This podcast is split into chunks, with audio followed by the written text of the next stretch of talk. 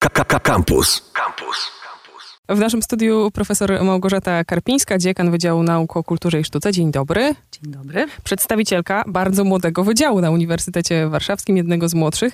Proszę powiedzieć e, krótko, jak to się stało, że taki wydział powstał w 2020 roku? No, doszło do rozpadu Wydziału Historycznego, bardzo dużego wydziału mieszczącego w sobie dyscypliny, które wywodzą się od historii, które są z historią związane w sposób naturalny, ale um, ciążenie do rozpadu było bardzo poważne i w ten sposób e, trzy instytuty Instytut e, Historii Sztuki, Instytut Muzykologii oraz Instytut Antropologii, e, Etnologii Antropologii Kulturowej e, stworzyły razem Wydział Nauk o Kulturze i Sztuce, wspomagane przez grupę historyków i archeologów, którzy czuli raczej związek z takim sposobem uprawiania nauki, jaki proponowało Wydział Nauk o Kulturze i Sztuce, niż taką czystą nauką na przykład historii czy archeologii. E, stąd powstała Katedra Kultury, e, Historii Kultury i Sztuki no i jest, skupia w sobie właśnie owych historyków i archeologów. Przepraszam za taki stereotypowy punkt wyjścia, ale y, te dyscypliny, o których pani wspomina, czyli na przykład historia sztuki, czy etnologia i antropologia kulturowa, kojarzą się z takimi dziedzinami, które funkcjonują na uniwersytecie od dosyć dawna, a zmierzam do tego, ile w tych dyscyplinach dzisiaj na przykład nowych technologii no, myślę, że bardzo dużo e, i że w dzisiejszych czasach bardzo trudno jest chyba znaleźć dyscyplinę, która mogłaby być uprawiana w stylu XIX-wiecznym, e, abstrahując zupełnie od, od tego, jak można wykorzystywać nowoczesne technologie. Zaczynając od takiej najbardziej banalnej sprawy, to znaczy wykorzystywania w codziennej pracy badawczej skanów, które w rozmaitych bibliotekach cyfrowych się znajdują, ale także rozmaitych zasobów, e, zdigitalizowanych zasobów, różnorodnych artefaktów, e, które czasami chyba nawet łatwiej badać w momencie istnienia tej technologii cyfrowej. No bo proszę sobie wyobrazić historyka sztuki, e, który analizuje starannie jakieś dzieło, jakiś obraz, wyobraźmy sobie, prawda? W tradycyjnym badaniu oczywiście ono nie znika. E, ono dalej jest fundamentem badania, no bo nie sposób cyfrowo przebadać farby, prawda, chociażby. Natomiast y, detale no, na takim cyfrowo zbadanym obrazie e, no, bez porównania łatwiej obejrzeć, prawda? Ale to jest oczywiście, mówię tutaj o takich banałach zupełnych, ponieważ e, zarówno e, historykowi e, sztuki, jak i antropologowi, jak i muzykologowi te nowoczesne cyfryzacje są potrzebne do znacznie większej liczby spraw i znacznie bardziej skomplikowanych spraw. Jeśli mamy mówić na przykładach, to no, na przykład nie sposób zbudować żyjącej bazy danych. E, która by była możliwa do uzupełniania bezustannie e, i wydrukować jej i sprawić, że ona no właściwie umiera już w tym momencie. To znaczy pełni dalej swoją funkcję, ale jest niekompletna. W momencie, kiedy możemy to zrobić w internecie, taką otwartą bazę danych, ona ona po prostu żyje i możliwość jej uzupełniania jest bezustanna. I takie projekty na wydziale są prowadzone. Dotyczą na przykład e, starodruków, e, dotyczą, dotyczą muzy biogramów muzyków. E, można sobie wyobrazić, że to jest akurat muzyków XVIII-wiecznych, że nigdy nie można sobie powiedzieć, że to już koniec, że już nic więcej nigdy nie znajdziemy w archiwach na temat jakiegoś człowieka. W momencie, kiedy baza jest otwarta, możemy to bezustannie uzupełniać.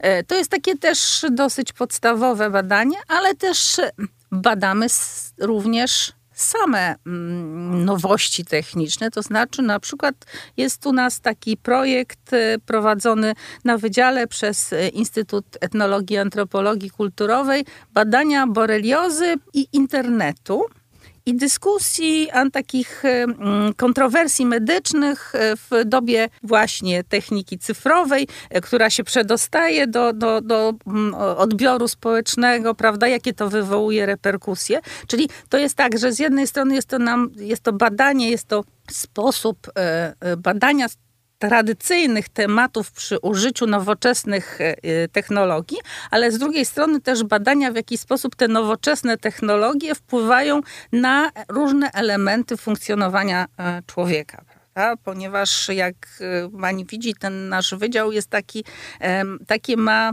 e, trzy różne oblicza, jakby można by było powiedzieć, tym, że historii sztuki i muzykologii, one są dosyć siebie bliskie, zresztą to jest jedna dyscyplina, natomiast e, etnologia i antropologia kulturowa to jest taka dyscyplina, która balansuje pomiędzy na przykład tradycyjną etnologią, czyli badaniem przeszłości ludu, pewnych tradycji mówionych, a nowoczesnym spojrzeniem na zupełnie nowoczesne społeczeństwo, ponieważ jeden z tych projektów e, no, zajmuje się na przykład skutkami koronawirusa e, w republikach, dawnych republikach radzieckich. Jaki to miało wpływ na, na funkcjonowanie społeczeństwa, jak się odbija na jego funkcjonowaniu. Pewnie trudno będzie to oszacować, ale y, czy da się jakoś proporcjonalnie przedstawić, jak wiele z tych badań sięga właśnie do spraw historycznych, a jaki odsetek badaczy jednak fokusuje się na tym, co dzieje się teraz? Myślę, że jeśli chodzi o historię sztuki i o muzykologię, one się jednak fokusują przede wszystkim na historii, z tym, że historii no również i takiej bardzo nieodległej, prawda? Ponieważ histo y, historia sztuki współczesnej jest w tej chwili bardzo e, atrakcyjna dla e, studentów, i oni są właściwie głównie zainteresowani tą najnowszą. Mm, natomiast antropologia ma e, i etnologia właściwie to mm, głównie zajmuje się współczesnością, a nawet powiedziałabym pewnym rodzajem antycypowania tego, co będzie, jakie pewne przemiany dzisiejsze ma, jak będą wpływały na, na, na przyszłość. Trochę Pani już o tym powiedziała, ale możemy jeszcze nakreślić, czym e, zajmują się badacze z Wydziału Nauk o Kulturze i Sztuce? Historycy sztuki e, i historycy pracujący w Instytucie Historii Sztuki badają szeroko rozumianą kulturę, e, przede wszystkim koncentrując się no, na, na rozmaitych aspektach przeszłości, zarówno tej bardzo odległej, antycznej, jak i tej najbardziej niedawnej, czyli powiedzmy na współczesnym malarstwie, na rynkach sztuki, e, na percepcji e, odbiorcy tych, e, tych dzieł, na relacjach międzynarodowych, relacjach międzyludzkich, na tym, jak właśnie odbiorca również wpływa na kształt sztuki. Muzykologia zajmuje się rozmaitym rodzajem badań, zarówno przeszłością muzyki, jak i etnomuzykologią, czyli właściwie również bardzo często współczesnością, e, bo ta etnomuzykologia to jest e, coś, co dotyczy, e, no, jest, jest kultywowana w niektórych częściach kraju, jest, również można ją badać za granicą i jest badana za granicą, ale także trochę i współczesnością jest taki projekt u nas niebywale interesujący, który się zajmuje tapetą akustyczną więc to również i w publicznej przestrzeni, więc również naszych współczesnych, dzisiejszych miast. E, no i e, etnologia i antropologia kulturowa, tak jak mówiłam, oni zajmują się wynikłym w tej chwili procencie ku pewnemu naszemu żalowi również e, etnografią. To jest taka dyscyplina, która powoli, no, jeśli nie odchodzi, to na pewno się kurczy. Natomiast zajmują się rozmaitymi problemami współczesnego świata i to zajmują się w taki sposób, powiedziałabym, bardzo bardzo, bardzo interesujący, bo często na przykład z taką obserwacją uczestniczącą to jest jakaś taka fantazja o czasami, nie wiem, podglądaniu, jeśli to jest obserwacja uczestnicząca, ukryta i realizacja jakichś, nie wiem, detektywistycznych pasji, nie, która się z nauką... Nie ma nic, nie ma nic ukrytego, nie. nie. Oni są po prostu, wchodzą w te mhm. E, społeczności i żyją z tymi społecznościami, czy zawsze ich informując, prawda, że to nie, to nie jest tak, że ktoś tam wchodzi, prawda, jako tajny agent, zupełnie nie, zupełnie nie. E, ale rzeczywiście badają te e, społeczności w bardzo różnych miejscach, bardzo duży procent dotyczy e, naszych wschodnich rubieży, sąsiadów ze wschodu, e, ale także i na kontynencie afrykańskim społeczności badanych. Oczywiście już nie żadnych tam plemion dzikich żyjących w dżunglach, ale, ale społeczności, które zmagają się z rozmaitymi nowymi problemami wynikającymi ze zderzenia się z nowoczesnością. Kim są ludzie, którzy kończą ten wydział? Czym się zajmują? Jak trafiają na rynek pracy? Ta możliwość dotarcia na rynek pracy jest rozmaita, dlatego że też trochę zależy od instytutu, z którego się wywodzą i, i, i od kierunku, i, o, i, od ich również y, życzeń. Y, dlatego, że część z nich y, dalej chce zostać badaczami i zostaje badaczami, prawda? Y, szeroko otwarte są dla nich drzwi do właściwie wszystkich muzeów, jakie istnieją w Polsce. To znaczy w sposób naturalny historycy sztuki właściwie tak nieprzerwanie, dlatego że mm, praktyki muzealne są dla studentów absolutnie obowiązkowe i wszyscy je przechodzą. I w zasadzie, jeśli tylko mają takie życzenie, to muzea, na przykład Muzeum Narodowe, e, stoi przed, nich, przed nimi otworem. Znajdują pracę w rozmaitych instytucjach kultury. To są rzeczywiście w sposób naturalny ludzie, którzy właśnie w takim miejscu pracują. Także w rozmaite mm, instytucje pożytku publicznego, które też są nakierowane właśnie na tego typu e, sprawy związane z badaniem przeszłości, z badaniem kultury, e, a także administracja publiczna e, rozmaitego szczebla, też w tych aspektach, gdzie się administruje kulturą, zarządza kulturą i to jest w znacznej mierze w znacznej mierze ten odbiorca naszych studentów.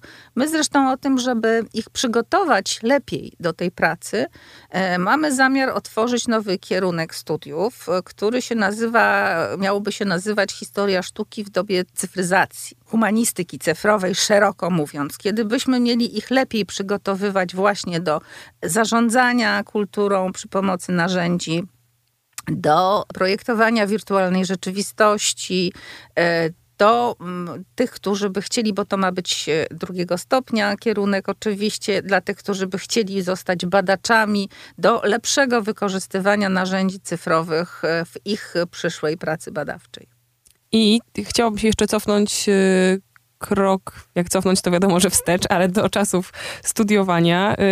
Ile jest tam teorii, a ile praktyki? Bo to jest jakieś takie skojarzenie, że antropologia, etnologia to jakieś wyjazdy terenowe, to spotkania, mhm. to społeczności, o których pani wspominała. Tak, oczywiście. E, studenci mają tam swoje warsztaty, od razu się decydują na początkowym etapie studiów, co ich by było, co by ich interesowało i konsekwentnie w ramach tych warsztatów zajmują się najpierw w gabinetach e, rozmaitym przygotowaniem e, technicznym do tego, jak się prowadzi tego typu obserwacje, badania, a później idą na, na zajęcia terenowe. Historycy sztuki mają obowiązkowe 12 dni objazdów na początku, a później w zależności zależności od tego, jakie seminarium wybiorą, e, pod czyim kierunkiem będą pracować. Oczywiście tak samo wyjeżdżają. Ostatnio grupa pojechała na przykład do Mediolanu e, na takie terenowe badania. E, muzykolodzy podobnie, dlatego że muzykolodzy, ci, którzy, którzy się zajmują etnomuzykologią, a to jest no, mniej więcej połowa mm, instytutu, no oni muszą po prostu mieć do czynienia z takim naturalnym środowiskiem etnologicznym, ale ci, którzy nie zajmują się, e, zajmują się muzyką tradycyjną, powiedzmy. Oni także mają zajęcia zarówno w muzeach, jak i w rozmaitych e, towarzysząc rozmaitym zespołom, ale także zajmując się praktycznymi rzeczami. No mamy na przykład taki, e, taki pomysł przenoszenia starych partytur na możliwość właśnie cyfrowego przedstawiania ich. Niektórych bardzo interesujących, bo na przykład takich, które się nie zachowały w pełni, i które dzięki cyfrowemu przeniesieniu można pomyśleć o ich uzupełnianiu. Takie historie, takie działania i takie studiowanie. Nie wiem, czy jest taki rzeczownik na Wydziale Nauk o Kulturze i Sztuce Uniwersytetu Warszawskiego. Profesor Małgorzata Karpińska dla nas ten wydział przybliżała. Dziękujemy bardzo. Bardzo dziękuję. Internety. Facebook.com ukośnik Radiocampus. Twitter ukośnik Radiocampus. Snapchat ukośnik Radiocampus. Instagram ukośnik Radio Campus.